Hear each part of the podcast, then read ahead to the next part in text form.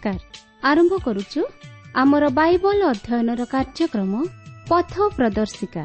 ପବିତ୍ର ବାଇବଲ କହେ ହେ ପରିଶ୍ରାନ୍ତ ଭାରଗ୍ରସ୍ତ ଲୋକ ସମସ୍ତେ ମୋ ନିକଟକୁ ଆସ। ମୁଁ ତୁମମାନଙ୍କୁ ବିଶ୍ରାମ ଦେବି। ଆସନ୍ତୁ ସେହି ଜୀବନଦାତାଙ୍କର ପରିଚୟ ପାଇ ଜୀବନରେ ବାସ୍ତବ ଶାନ୍ତି ଓ ମୁକ୍ତି ପାଇବା ନିମନ୍ତେ ଶୁଣିବା ବେତାର କାର୍ଯ୍ୟକ୍ରମ ପଥ ପ୍ରଦର୍ଶିକା।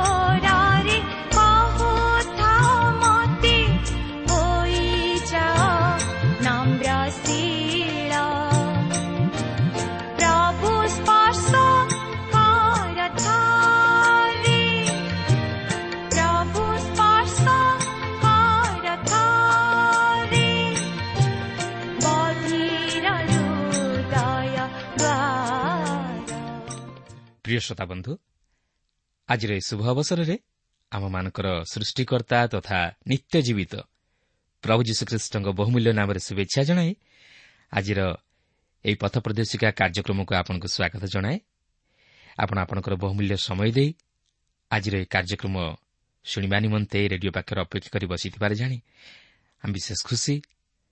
କେବଳ ସେତିକି ନୁହେଁ ଆପଣଙ୍କର ମତାମତ ନିମନ୍ତେ ମଧ୍ୟ ବିଶେଷ ଧନ୍ୟବାଦ।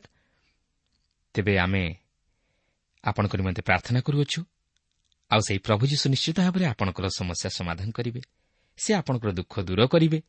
ସେ ଆପଣଙ୍କର ସହିତରେ ରହି ସମସ୍ତ ବିଷୟରେ ଆପଣଙ୍କୁ ସୁରକ୍ଷା ପ୍ରଦାନ କରିବେ ଓ ଆଶୀର୍ବାଦ କରିବେ। କିନ୍ତୁ ସେ ଚାହାନ୍ତି ଆପଣଙ୍କର ଦୃଢ଼ ବିଶ୍ୱାସ। ଯଦି ଆପଣ ତାଙ୍କଠାରେ ଦୃଢ଼ ବିଶ୍ୱାସ ସ୍ଥାପନ କରନ୍ତି ତାହେଲେ ଆପଣ ଆପଣଙ୍କ ଜୀବନରେ ତାଙ୍କର ସେ ଅଲୌକିକ କାର୍ଯ୍ୟମାନ ଦେଖିବାକୁ ପାରିବେ। ତେବେ ଆମର ଅନୁରୋଧ ଆପଣ ନିଜେ ଏହି କାର୍ଯ୍ୟକ୍ରମ ଶୁଣିବା ସଙ୍ଗେ ସଙ୍ଗେ ଅନ୍ୟମାନଙ୍କୁ ଶୁଣାଇବାରେ ସାହାଯ୍ୟ କରନ୍ତୁ। ଆଉ ଯଦି ଆପଣଙ୍କର ଜୀବନର ସାକ୍ଷ୍ୟ ଅଥବା ପ୍ରାର୍ଥନାର ଅନୁରୋଧ ଥାଏ ତାହେଲେ ତାହା ଲେଖି ଜଣାଇଲେ ଆମେ ଆପଣଙ୍କ ନିମନ୍ତେ ପ୍ରାର୍ଥନା କରିବୁ। ଆସନ୍ତୁ ପ୍ରଭୁଙ୍କର ବାକ୍ୟ ମଧ୍ୟକୁ ଯିବା ପୂର୍ବରୁ ସଂକ୍ଷେପରେ ପ୍ରାର୍ଥନା କରିବା। ପ୍ରିୟ ପବିତ୍ର ପ୍ରଭୁ ତୁମର ପବିତ୍ର ନାମର ଧନ୍ୟବାଦ କରୁଅଛୁ ଏହି ସୁନ୍ଦର ସମୟ ପାଇଁ ସୁଯୋଗ ପାଇଁ ଜୀବନ୍ତ ବାକ୍ୟ ପାଇଁ। ପ୍ରଭୁ ଆମେ ଜାଣୁ ତୁମର ବାକ୍ୟ ଆମମାନଙ୍କ ନିମନ୍ତେ ଶକ୍ତିଦାୟକ ସାନ୍ତ୍ୱନାଦାୟକ ବଳଦାୟକ ଭରସାଦାୟକ। ପ୍ରଭୁ ତୁମର ସେ ବାକ୍ୟ ମଧ୍ୟ ଦେଇ ତୁମେ ଆଜି ପ୍ରତ୍ୟେକ ଶ୍ରୋତାବନ୍ଧୁମାନଙ୍କ ହୃଦୟରେ କଥା କୁହ। ପ୍ରତ୍ୟେକଙ୍କର ସମସ୍ୟା ତୁମେ ସମାଧାନ କର। ପ୍ରତ୍ୟେକଙ୍କୁ ତୁମର ସେହି ପରିତ୍ରାଣର ଆନନ୍ଦକୁ ଉପଲବ୍ଧି କରିବା ପାଇଁ ସାହାଯ୍ୟ କର। ଆଜିର ଏହି କାର୍ଯ୍ୟକ୍ରମ ମଧ୍ୟ ଦେଇ ତୁମର ପବିତ୍ର ଉପସ୍ଥିତି ଆମମାନଙ୍କୁ ଉପଲବ୍ଧି କରିବା ପାଇଁ ଦିଅ। ତୁମର ଇଚ୍ଛା ତୁମର ଅଭିମତ ତୁମେ ଆମ ପ୍ରତ୍ୟେକଙ୍କ ଜୀବନରେ ସଫଳ କର। ଏହି ସମସ୍ତ ପ୍ରାର୍ଥନା ଆମମାନଙ୍କୁ ଉଦ୍ଧାରକର୍ତ୍ତା ଜୀବିତ ପୁନରୁଦ୍ଧିତ ପ୍ରିୟ ପ୍ରଭୁ ଯୀଶୁଙ୍କ ନାମରେ ଏ ଅଳ୍ପ ଭିକ୍ଷା ମାଗୁଅଛୁ। ଆଜି ଆମେ ସେହି ଦ୍ୱିତୀୟ ବଂଶାବଳୀ ତହିଁର ଷୋହଳ ଓ ସତର ପର୍ବକୁ ଅଧ୍ୟୟନ କରିବା ପାଇଁ ଯିବା। ଆଜିର ମୁଖ୍ୟ ଆଲୋଚନାର ପ୍ରସଙ୍ଗ ହେଉଛି ଆଶା ରାଜାଙ୍କର ବିଶ୍ୱାସରେ ଦୁର୍ବଳତା ଓ ଜିଓସାଫଟ ରାଜାଙ୍କ ସମୟରେ ଆତ୍ମିକ ଜାଗରଣ। ତେବେ ଗତ ପାଠରେ ଆମେ ଦେଖିଥିଲୁ ଯେ ଆତ୍ମିକ ଜାଗରଣ ବା ଉଦ୍ଦୀପନାର ପଥରେ ଆମକୁ ତିନୋଟି ସେତୁ ଅତିକ୍ରମ କରିବାକୁ ପଡ଼ିଥାଏ। ସେଥିମଧ୍ୟରୁ ଆମେ ଦୁଇଟି ସେତୁ ସମ୍ପର୍କରେ ଆଲୋଚନା କରିସାରିଛୁ ପ୍ରଥମତଃ ଈଶ୍ୱରଙ୍କ ବାକ୍ୟ ଜାଣିବା ଓ ଦ୍ୱିତୀୟତଃ ପୃଥକୀକୃତ ଜୀବନଯାପନ କରିବା ଯାହାକି ଆତ୍ମିକ ଜାଗରଣ ଆଣିବାରେ ବିଶେଷ ସହାୟକ ହୋଇଥାଏ। କିନ୍ତୁ ଆଜି ଆମେ ଏହି ଷୋହଳ ପର୍ବରେ ତୃତୀୟ ସେତୁ ସମ୍ପର୍କରେ ଆଲୋଚନା କରିବାକୁ ଯିବା। ଆଉ ତାହା ହେଉଛି ଈଶ୍ୱରଙ୍କଠାରେ ବିଶ୍ୱାସ। ତେବେ ଏହି ଷୋହଳ ପର୍ବରେ ଆମେ ଦେଖୁଛୁ ଆଶା ରାଜାଙ୍କର ବିଶ୍ୱାସରେ ଦୁର୍ବଳତା। ଷୋହଳ ପର୍ବର ପ୍ରଥମ ପଦରେ ଏହିପରି ଲେଖା ଅଛି ଜିହୁଦାର ରାଜା ଆଶାଙ୍କ ନିକଟକୁ କାହାରିକି ଯିବା ଆସିବାକୁ ନ ଦେବା ପାଇଁ ଇସ୍ରାଏଲ୍ର ରାଜା ବାସା ଆଶାଙ୍କର ଅଧିକାରର ଛତିଶ ବର୍ଷରେ ଜିହୁଦା ବିରୁଦ୍ଧରେ ଯାତ୍ରା କରି ରାମାନଗର ଦୃଢ଼ କଲେ। ଆମେ ଏଥିପୂର୍ବରୁ ଅନ୍ୟାନ୍ୟ ଅଂଶମାନଙ୍କରେ ଦେଖିସାରିଛୁ ଯେ ଉତ୍ତର ରାଜ୍ୟର ଅର୍ଥାତ୍ ଇସ୍ରାଏଲ୍ ରାଜ୍ୟର ଅନେକ ଲୋକମାନେ ଜିହୁଦା ରାଜ୍ୟ ମଧ୍ୟକୁ ଆସିବାକୁ ଚାହିଁଲେ କାରଣ ସେମାନେ ଦେଖିବାକୁ ପାରିଲେ ଯେ ଆଶା ରାଜାଙ୍କ ଅଧୀନରେ ଏକ ଆତ୍ମିକ ଜାଗରଣ ଦେଖାଦେଇଛି କିନ୍ତୁ ଇସ୍ରାଏଲ୍ର ରାଜା ବାସା ତାହାଙ୍କର ଲୋକମାନଙ୍କୁ ତାହାଙ୍କ ରାଜ୍ୟ ମଧ୍ୟରେ ରଖିବାକୁ ଚାହିଁଲେ। କିନ୍ତୁ ସେମାନଙ୍କୁ ଦକ୍ଷିଣରେ ଜିହୁଦା ରାଜ୍ୟ ମଧ୍ୟକୁ ଯିବା ପାଇଁ ଛାଡ଼ିଦେଲେ ନାହିଁ। ଷୋହଳ ପର୍ବର ଦୁଇ ଓ ତିନି ପଦରେ ଲେଖା ଅଛି ତହିଁରେ ଆଶା ସଦାପ୍ରଭୁଙ୍କ ଗୃହ ଓ ରାଜଗୃହର ଭଣ୍ଡାରରୁ ରୂପା ଓ ସୁନା ଆଣି ଦମେଶକ ନିବାସୀ ଅରାମ୍ୟ ରାଜା ବିନହଦ ନିକଟକୁ ପଠାଇ ଏହି କଥା କହିଲେ ମୋ ପିତା ଓ ତୁମ୍ଭ ପିତାଙ୍କ ମଧ୍ୟରେ ଯେପରି ନିୟମ ଥିଲା ସେହିପରି ତୁମ୍ଭ ମୋ ମଧ୍ୟରେ ଅଛି। ଦେଖ ମୁଁ ତୁମ୍ଭ ନିକଟକୁ ରୂପା ଓ ସୁନା ପଠାଇଲି। ଯାଅ ଇସ୍ରାଏଲ୍ର ରାଜା ବାସା ସଙ୍ଗେ ତୁମ୍ଭର ଯେଉଁ ନିୟମ ଅଛି ତାହା ଭାଙ୍ଗିଦିଅ। ତହିଁରେ ସେ ମୋ ନିକଟରୁ ପ୍ରସ୍ଥାନ କରିବ। ଇସ୍ରାଏଲ୍ ଆଶା ଓ ଜିହୁଦା ପ୍ରତି ଏକ ଭୟଙ୍କର ଶତ୍ରୁ ହୋଇଉଠିଲେ ତେଣୁ ଆଶା କ'ଣ କଲେ? ସେ ଅରାମୀୟ ରାଜା ବିନହଦର ସାହାରା ନେଲେ ଓ ତାହାଙ୍କ ସହିତ ତାହାଙ୍କର ପୂର୍ବକୃତ ନିୟମକୁ ଫେରିଗଲେ। ତେବେ ଏହା କ'ଣ ପ୍ରକାଶ କରେ? ଏହା ଈଶ୍ୱରଙ୍କଠାରେ ଆଶା ରାଜାଙ୍କର ବିଶ୍ୱାସର ଦୁର୍ବଳତାକୁ ପ୍ରକାଶ କରେ। ଚାରିପଦରେ ଲେଖା ଅଛି ଏଥିରେ ବିନହଦ ଆଶା ରାଜାଙ୍କର କଥାରେ ମନୋଯୋଗ କରି ଆପଣା ସେନାପତିମାନଙ୍କୁ ଇସ୍ରାଏଲ୍ ନଗର ବିରୁଦ୍ଧରେ ପଠାଇଲା। ତ ସେମାନେ ୟୁଓନ୍ ଓ ଦାନ୍ ଓ ଆବେଲ ମଇମ୍ ଓ ନପ୍ତାଲିରେ ସମସ୍ତ ଭଣ୍ଡାର ନଗର ପରାସ୍ତ କଲେ। ଦେଖନ୍ତୁ ଆଶା ରାଜାଙ୍କର କଥାକୁ ବିନହଦ ପାଳନ କରି ତାଙ୍କର ଲୋକମାନଙ୍କୁ ପଠାଇ ଇସ୍ରାଏଲ୍ର ନଗର ସବୁକୁ ପରାସ୍ତ କଲେ। ପାଞ୍ଚ ଓ ଛଅ ପଦରେ ଲେଖା ଅଛି ତହିଁରେ ବାସା ଏହି କଥା ଶୁଣି ରାମାନଗର ଦୃଢ଼କରଣରୁ କ୍ଷାନ୍ତ ହୋଇ ଆପଣା କାର୍ଯ୍ୟ ସ୍ଥଗିତ ରଖିଲା। ତେବେ ଆଶା ରାଜା ସମଗ୍ର ଜିହୁଦାର ଲୋକଙ୍କୁ ନେଲେ ପୁଣି ବାସା ଯେଉଁ ପ୍ରସ୍ତର ଓ କାଷ୍ଠରେ ରାମାନଗର ନିର୍ମାଣ କରିଥିଲା ତାହା ସବୁ ସେମାନେ ବହି ନେଇଗଲେ। ଆଉ ତଦ୍ୱାରା ସେ ଗେବା ଓ ମିସ୍ପା ନଗର ଦୃଢ଼ କଲେ। ତେବେ ଆଶାଙ୍କର ଏହିପରି ଚକ୍ରାନ୍ତ ସଫଳ ହୋଇଥିଲା। କିନ୍ତୁ ବର୍ତ୍ତମାନ ଈଶ୍ୱର ଆଶାଙ୍କୁ କିଛି କହିବାକୁ ଚାହାନ୍ତି। ସାତରୁ ନଅ ପଦରେ ଲେଖା ଅଛି ସେ ସମୟରେ ହନାନୀ ଦର୍ଶକ ଜିହୁଦାର ରାଜା ଆଶାଙ୍କ ନିକଟକୁ ଆସି କହିଲା ତୁମେ ସଦାପ୍ରଭୁ ଆପଣା ପରମେଶ୍ୱରଙ୍କ ଉପରେ ନିର୍ଭର ନ କରି ଅରାମିଆ ରାଜା ଉପରେ ନିର୍ଭର କଲ। ଏହେତୁ ଅରାମିୟ ରାଜାର ସୈନ୍ୟ ତୁମ୍ଭ ହସ୍ତରୁ ବଞ୍ଚିଗଲେ। କୁଶୀୟ ଓ ଲୁବିୟମାନେ ଅପାର ଅପାର ରଥ ଓ ଅଶ୍ୱାରୂଢ଼ ସହିତ କି ଏକ ମହାସୈନ୍ୟ ନଥିଲେ? ତଥାପି ତୁମ୍ଭେ ସଦାପ୍ରଭୁଙ୍କ ଉପରେ ନିର୍ଭର କରିବାରୁ ସେ ତୁମ୍ଭ ହସ୍ତରେ ସେମାନଙ୍କୁ ସମର୍ପଣ କଲେ। କାରଣ ସଦାପ୍ରଭୁଙ୍କ ପ୍ରତି ଯେଉଁମାନଙ୍କର ଅନ୍ତଃକରଣ ସିଦ୍ଧ ଥାଏ ସେମାନଙ୍କ ସପକ୍ଷରେ ଆପଣଙ୍କୁ ବଳବାନ ଦେଖାଇବା ପାଇଁ ତାହାଙ୍କର ଚକ୍ଷୁ ପୃଥିବୀର ସର୍ବତ୍ର ଏଣେତେଣେ ଦୌଡ଼ଇ। ଏ ବିଷୟରେ ତୁମ୍ଭେ ଅଜ୍ଞାନର କାର୍ଯ୍ୟ କରିଅଛ ଏଣୁ ଏହି ସମୟଠାରୁ ତୁମ୍ଭ ପ୍ରତି ଯୁଦ୍ଧ ଘଟିବ। ତେବେ ଏଠାରେ ପ୍ରଶ୍ନ ଆସେ ଈଶ୍ୱର କାହିଁକି ଜଣେ ଭବିଷ୍ୟତ ବକ୍ତାଙ୍କୁ ପଠାଇ ଆଶାଙ୍କୁ ଅନୁଯୋଗ କଲେ? ଈଶ୍ୱର କାହିଁକି ଆଶାଙ୍କର ବିଚାର କଲେ? ତାହାଙ୍କ ବିଶ୍ୱାସର ଦୁର୍ବଳତା ନିମନ୍ତେ। ଏଠାରେ ଆମେ ସେହି ତୃତୀୟ ସେତୁଟିକୁ ଅତିକ୍ରମ କରିବାକୁ ଯାଉଅଛୁ ଆଉ ତାହା ହେଉଛି ଈଶ୍ୱରଙ୍କଠାରେ ବିଶ୍ୱାସ। କିନ୍ତୁ କୌଣସି ମନୁଷ୍ୟ ଉପରେ ନୁହେଁ କି ନିଜର କୌଶଳ ଉପରେ ନୁହେଁ କି କୌଣସି ମଣ୍ଡଳୀ ଉପରେ ନୁହେଁ କି କୌଣସି ପ୍ରଣାଳୀ ବା ଧାରା ଉପରେ ନୁହେଁ କିମ୍ବା କୌଣସି ଅନୁଷ୍ଠାନ ବା ସଂସ୍ଥା ଉପରେ ନୁହେଁ ମାତ୍ର ଈଶ୍ୱରଙ୍କ ଉପରେ। କାରଣ ଆତ୍ମିକ ଜାଗରଣ ଈଶ୍ୱରଙ୍କଠାରେ ବିଶ୍ୱାସ ଆବଶ୍ୟକ କରେ। ଯେତେବେଳେ ଇସ୍ରାଏଲ୍ର ରାଜା ବାସା ଗୃହ ଯୁଦ୍ଧରେ ଜିହୁଦାର ରାଜା ଆଶାଙ୍କ ବିରୁଦ୍ଧରେ ଉଠିଲେ ସେତେବେଳେ ଆଶା ଅତୀତର ଶତ୍ରୁ ଅରାମୀୟ ରାଜା ବିନହଦର ଆଶ୍ରୟ ନେଲେ। ହନାନୀ ଭବିଷ୍ୟତ ବକ୍ତା ତାହାଙ୍କୁ ସ୍ମରଣ କରାଇଦେଲେ ଯେ ଈଶ୍ୱର ଯେ ତାହାଙ୍କୁ ଉଦ୍ଧାର କରିବେ ଏହା ସୁସ୍ପଷ୍ଟ ଭାବେ ସେ ଜାଣିଥିଲେ।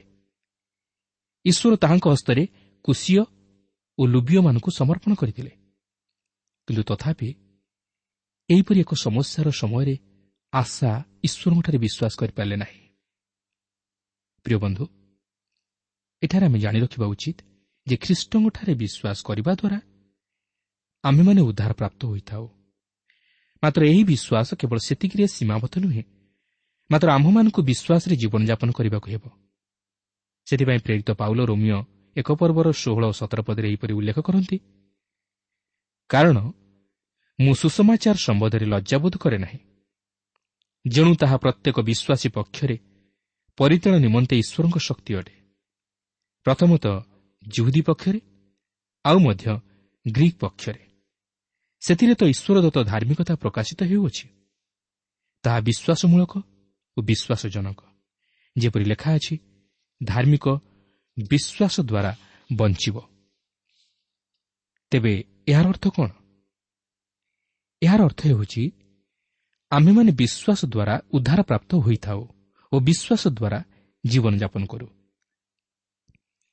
ହନାନୀ ଭବିଷ୍ୟତ ବକ୍ତା ଆଶାଙ୍କୁ କହିଲେ କାରଣ ସଦାପ୍ରଭୁଙ୍କ ପ୍ରତି ଯେଉଁମାନଙ୍କର ଅନ୍ତଃକରଣ ସିଦ୍ଧ ଥାଏ ସେମାନଙ୍କ ସପକ୍ଷରେ ଆପଣଙ୍କୁ ବଳବାନ ଦେଖାଇବା ପାଇଁ ତାହାଙ୍କର ଚକ୍ଷୁ ପୃଥିବୀର ସର୍ବତ୍ର ଏଣେତେଣେ ଦୌଡ଼ଇ। ଏ ବିଷୟରେ ତୁମ୍ଭେ ଅଜ୍ଞାନର କାର୍ଯ୍ୟ କରିଅଛ ଏଣୁ ଏହି ସମୟଠାରୁ ତୁମ୍ଭ ପ୍ରତି ଯୁଦ୍ଧ ଘଟିବ। ଏହାର ଅର୍ଥ ହେଉଛି ଈଶ୍ୱର ଏପରି ଏକ ଲୋକକୁ ଖୋଜନ୍ତି ଯିଏକି ତାହାଙ୍କଠାରେ ବିଶ୍ୱାସ କରେ ଓ ତାହାଙ୍କ ଉପରେ ନିର୍ଭର ରଖେ। ପ୍ରିୟ ବନ୍ଧୁ ଆପଣ କ'ଣ ସେହି ବିଶ୍ୱାସୀମାନଙ୍କ ମଧ୍ୟରୁ ଜଣେ? ଅଥବା ଆପଣ ବିଶ୍ୱାସ କରିବାକୁ ଚାହାନ୍ତି? କିନ୍ତୁ ଏବ୍ରି ଏଗାର ପର୍ବର ଛଅ ପଦରେ ଲେଖା ଅଛି କାରଣ ବିଶ୍ୱାସ ବିନା ତାହାଙ୍କ ସନ୍ତୋଷ ପାତ୍ର ହେବା ଅସମ୍ଭବ। ଯଦି ଆପଣ ଈଶ୍ୱରଙ୍କୁ ସନ୍ତୁଷ୍ଟ କରିବାକୁ ଚାହାନ୍ତି ତାହେଲେ ତାହାଙ୍କଠାରେ ବିଶ୍ୱାସ କରନ୍ତୁ ଓ ତାହାଙ୍କୁ ନିଜର ହୃଦୟ ଅର୍ପଣ କରନ୍ତୁ। ପ୍ରିୟ ବନ୍ଧୁ ଆସନ୍ତୁ କେବଳ ବିଶ୍ୱାସ ଦ୍ୱାରା ଉଦ୍ଧାର ପାଇବାକୁ ଚେଷ୍ଟା ନ କରି ବିଶ୍ୱାସ ଦ୍ୱାରା ବଞ୍ଚିବା ନିମନ୍ତେ ମଧ୍ୟ ଚେଷ୍ଟା କରିବା। ସେଥିପାଇଁ ଏଭ୍ରି ବାର ପର୍ବର ପ୍ରଥମ ପଦରେ ଲେଖକ ଏହିପରି ପ୍ରକାଶ କରନ୍ତି ଅତଏବ ଏଡ଼େ ବୃହତ୍ ମେଘତୁଲ୍ୟ ସାକ୍ଷୀମାନଙ୍କ ଦ୍ୱାରା ବେଷ୍ଟିତ ହେବାରୁ ଆସ ଆମ୍ଭେମାନେ ପ୍ରତ୍ୟେକ ଭାର ଓ ସହଜରେ ବେଷ୍ଟନକାରୀ ପାପ ପରିତ୍ୟାଗ କରି ବିଶ୍ୱାସର ନେତା ଓ ସିଦ୍ଧିଦାତା ଯୀଶୁଙ୍କୁ ଲକ୍ଷ୍ୟ କରି ଧୈର୍ଯ୍ୟ ସହକାରେ ଆମ୍ଭମାନଙ୍କ ଗନ୍ତବ୍ୟ ପଥରେ ଧାବମାନ ହେଉ। ତେବେ ସେହି ପାପ କ'ଣ? ତାହା ହେଉଛି ଅବିଶ୍ୱାସ। ତେଣୁ ଆସୁ ଆମ୍ଭେମାନେ ବିଶ୍ୱାସରେ ଅଗ୍ରସର ହେବା ନିମନ୍ତେ ଚେଷ୍ଟା କରୁ। ଦଶପଦରେ ଲେଖା ଅଛି ସେତେବେଳେ ଆଶା ସେହି ଦର୍ଶକ ପ୍ରତି କ୍ରୁଦ୍ଧ ହୋଇ ତାହାକୁ କାରାଗାରରେ ରଖିଲେ।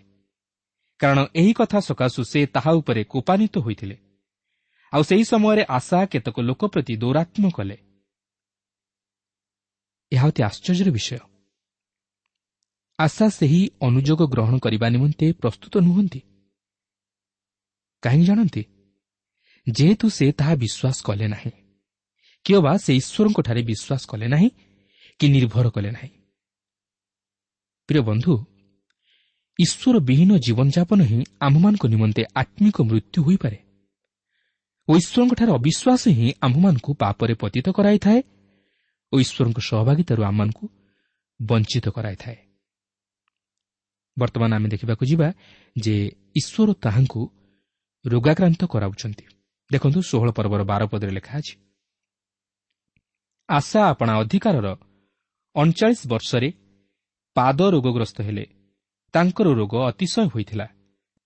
ତଥାପି ରୋଗ ସମୟରେ ସେ ସଦାପ୍ରଭୁଙ୍କର ଅନ୍ୱେଷଣ କଲେ ନାହିଁ ମାତ୍ର ବୈଦ୍ୟମାନଙ୍କର ଅନ୍ୱେଷଣ କଲେ।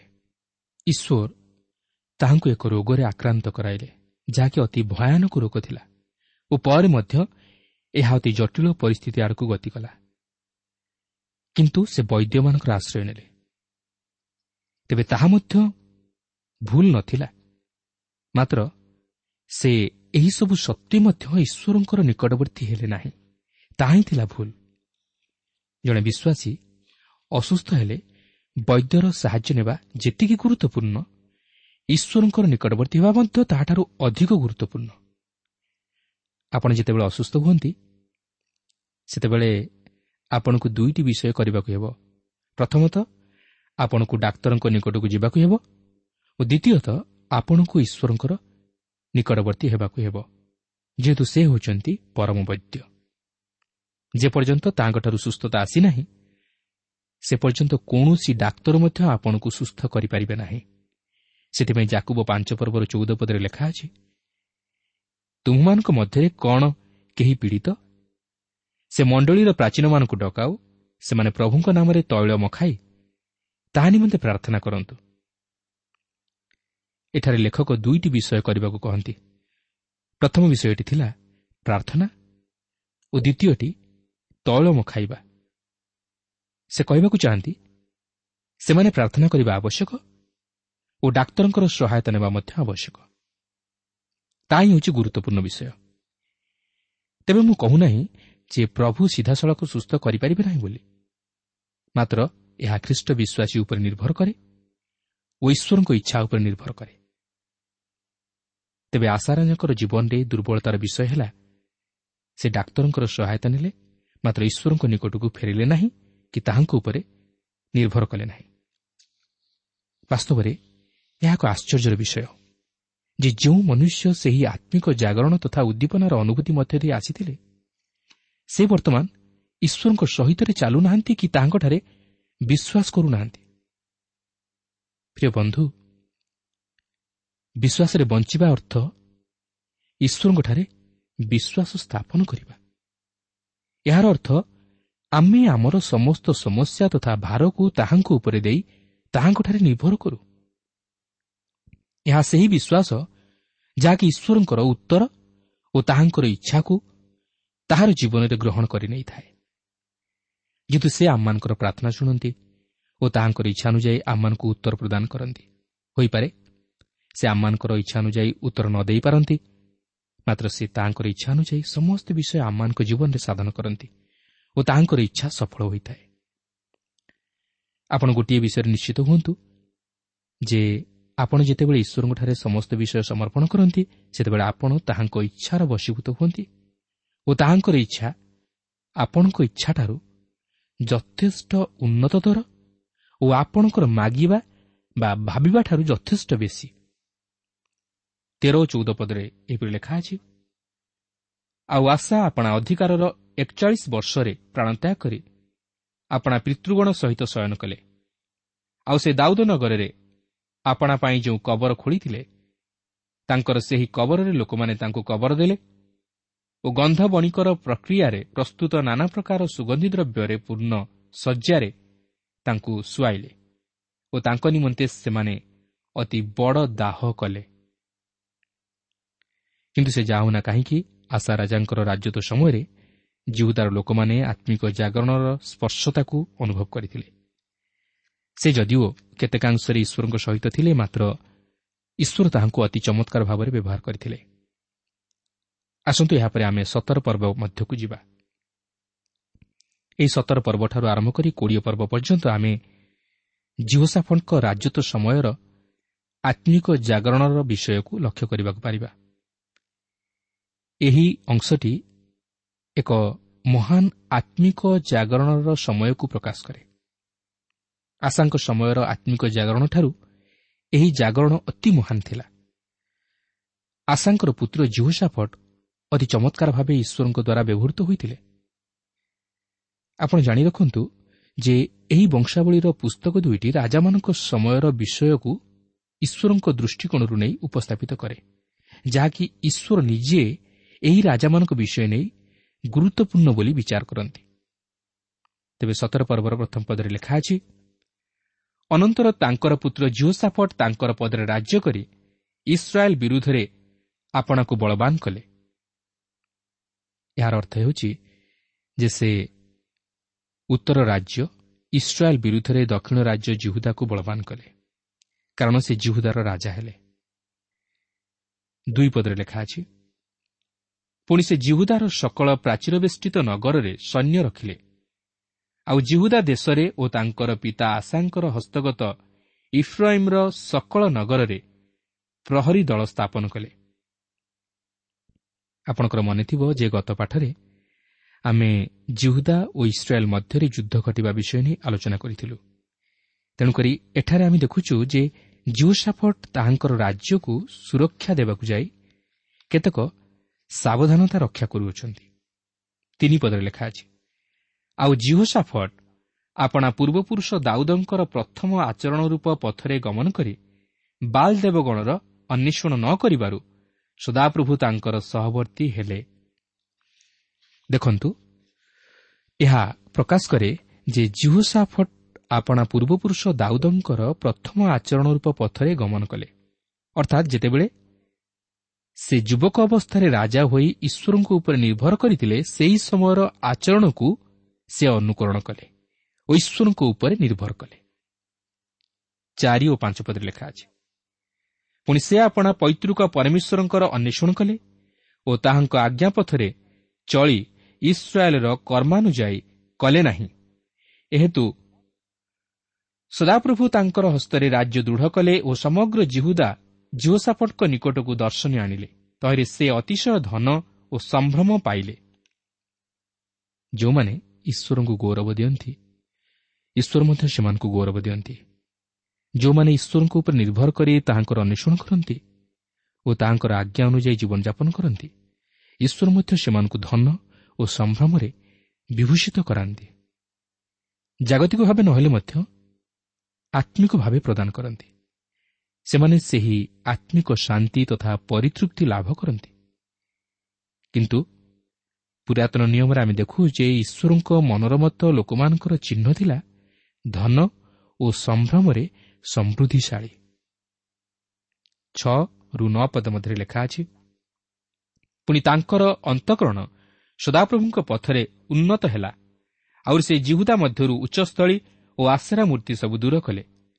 ମଧ୍ୟ ସେ ଆପଣା ଅଧିକାରର ତୃତୀୟ ବର୍ଷରେ ଜିହୁଦାର ନଗର ସବୁରେ ଶିକ୍ଷା ଦେବା ପାଇଁ ଆପଣା ଅଧିପତିମାନଙ୍କୁ ଅର୍ଥାତ୍ ବିନ୍ହଇଲ୍ ଓ ଓବଦିୟ ଓ ଜିଖରିୟ ଓ ନଥନେଲ୍ ଓ ମିଖାୟକୁ ପଠାଇଲେ। ଆଉ ସେମାନଙ୍କ ସଙ୍ଗେ ଲେବିୟମାନଙ୍କୁ ଅର୍ଥାତ୍ ସମୟ ଓ ନଥନୀୟ ଓ ସବଦୀୟ ଓ ଅସାହେଲ ଓ ସମିରାମୋଥ ଓ ଜିହୋନାଥନ୍ ଓ ଅଦନୀୟ ଓ ଟୋବିୟ ଓ ଟୋବଦୋନିୟ ଏହି ଲେବିୟମାନଙ୍କୁ ଓ ସେମାନଙ୍କ ସଙ୍ଗେ ଇଲିସାମା ଓ ଜିହୋରାମ ଯାଜକକୁ ପଠାଇଲେ। ତହିଁରେ ସେମାନେ ସଦାପ୍ରଭୁଙ୍କ ବ୍ୟବସ୍ଥା ପୁସ୍ତକ ସଙ୍ଗରେ ନେଇ ଜିଉଦା ଦେଶରେ ଶିକ୍ଷା ଦେଲେ ଆଉ ସେମାନେ ଜିଉଦାର ସକଳ ନଗରରେ ଭ୍ରମଣ କରି ଲୋକମାନଙ୍କ ମଧ୍ୟରେ ଶିକ୍ଷା ଦେଲେ। ଆପଣ ଅନୁଭବ କରିପାରୁଛନ୍ତି? ଜୋସାପଟ କ'ଣ କଲେ? ସେ ଈଶ୍ୱରଙ୍କ ବାକ୍ୟ ଶିକ୍ଷା ଦେବାର କାର୍ଯ୍ୟକ୍ରମ ଆରମ୍ଭ କଲେ। ସେ ଲେବିୟମାନଙ୍କୁ ଈଶ୍ୱରଙ୍କ ବାକ୍ୟ ଶିକ୍ଷା ଦେବା ନିମନ୍ତେ ପ୍ରେରଣ କଲେ। ସେ ଅଧିକ ସଂଖ୍ୟକ ଲେବିୟମାନଙ୍କୁ ଏହି କାର୍ଯ୍ୟ ନିମନ୍ତେ ପଠାଇଲେ। ସେମାନେ ସମଗ୍ର ରାଜ୍ୟରେ ଈଶ୍ୱରଙ୍କ ବାକ୍ୟ ଶିକ୍ଷା ଦେବାକୁ ଲାଗିଲେ। ଆଉ ତାହା ହିଁ ଥିଲା ଆତ୍ମିକ ଜାଗରଣ ଆଣିବାରେ ଏକ ଉପାୟ। ଯେପର୍ଯ୍ୟନ୍ତ ଈଶ୍ୱରଙ୍କ ବାକ୍ୟ ଉପରେ ଆମେ ଗୁରୁତ୍ୱ ଦେଉନାହୁଁ ସେ ପର୍ଯ୍ୟନ୍ତ ପ୍ରକୃତିରେ ଆତ୍ମିକ ଜାଗରଣ ଆସିବ ନାହିଁ। ଯେପର୍ଯ୍ୟନ୍ତ ଈଶ୍ୱରଙ୍କ ବାକ୍ୟ ମାଧ୍ୟମରେ ଆମେ ଲୋକଙ୍କୁ ଶିକ୍ଷିତ କରାଇନାହୁଁ ସେ ପର୍ଯ୍ୟନ୍ତ ଆତ୍ମିକ ଜାଗରଣ ଆସିବ ନାହିଁ। ଆତ୍ମିକ ଜାଗରଣ ଆଣିବାରେ ଈଶ୍ୱରଙ୍କ ବାକ୍ୟ ହିଁ ବିଶେଷ ସହାୟକ। ଯେଉଁ ବ୍ୟକ୍ତି ବା ମଣ୍ଡଳୀ ଈଶ୍ୱରଙ୍କ ବାକ୍ୟ ଉପରେ ଆଧାରିତ। ତହିଁର ଆତ୍ମିକ ଜାଗରଣ ସୁନିଶ୍ଚିତ। ବର୍ତ୍ତମାନ ଲକ୍ଷ୍ୟ କରନ୍ତୁ ଈଶ୍ୱରଙ୍କ ବାକ୍ୟର ଶିକ୍ଷା ପ୍ରତି ଲୋକମାନଙ୍କର ପ୍ରତିକ୍ରିୟା। ଦଶରୁ ବାର ପଦ ମଧ୍ୟରେ ଏହିପରି ଲେଖା ଅଛି ତେଣୁ ଜିହୁଦାର ଚତୁର୍ଦିଗସ୍ଥ ଦେଶର ସକଳ ରାଜ୍ୟରେ ସଦାପ୍ରଭୁଙ୍କ ଆଡ଼ୁ ଭୟ ଉପସ୍ଥିତ ହେଲା।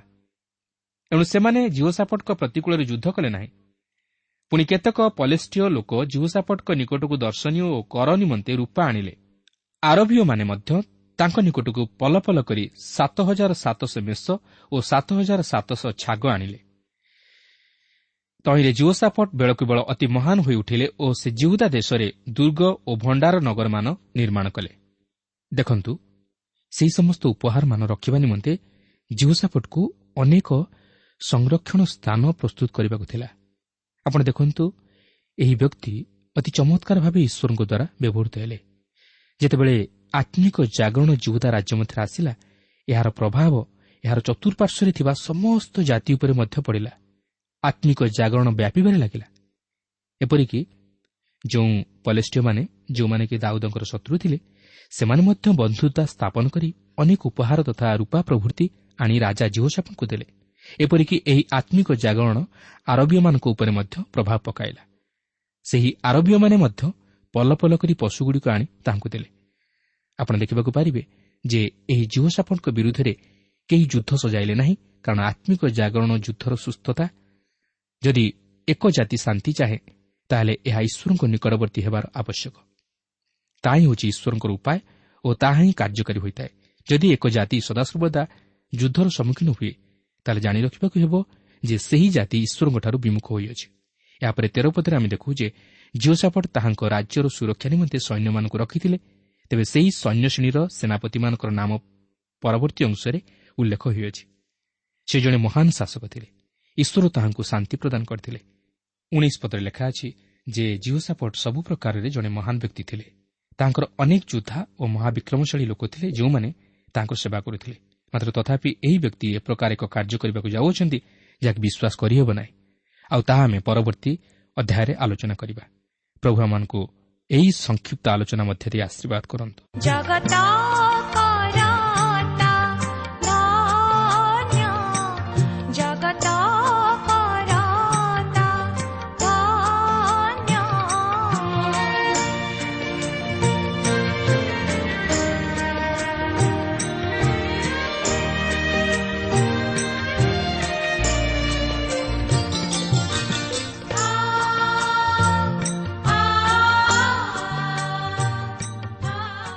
শ্রোতা আমার কার্যক্রম নিয়মিত শুণুবার অশেষ ধন্যবাদ আপনার এই কার্যক্রম শুণবা দ্বারা আত্মিক জীবনের উপকৃত হয়ে পে বলে আমার বিশ্বাস প্রভু শিশু বিষয়ে অধিক জাণবার আগ্রহ লে অথবা উপাদেয় পুস্তকর আবশ্যক লে আমসহ যোগাযোগ করন্তু আমার ঠিকনা পথ প্রদর্শিকা trans world radio India post box number তিন তিন ভুবনেশ্বর সাত পাঁচ এক শূন্য শূন্য এক mobile number nine seven double seven double two one four one five ঠিকଣାটি আউଥରେ ଶୁଣନ୍ତୁ ପଥ ପ୍ରଦର୍ଶିକା trans world radio India post box number three three Bhubaneswar seven five one zero zero one mobile number nine seven double seven double two one four one five ଆମର email ଆଡ୍ରେସଟି ଲେଖି ରଖନ୍ତୁ Odia TV at radio eight eight two dot com ତେବେ ଆଜି ପାଇଁ ବିଦାୟ ଦିଅନ୍ତୁ। ନମସ୍କାର।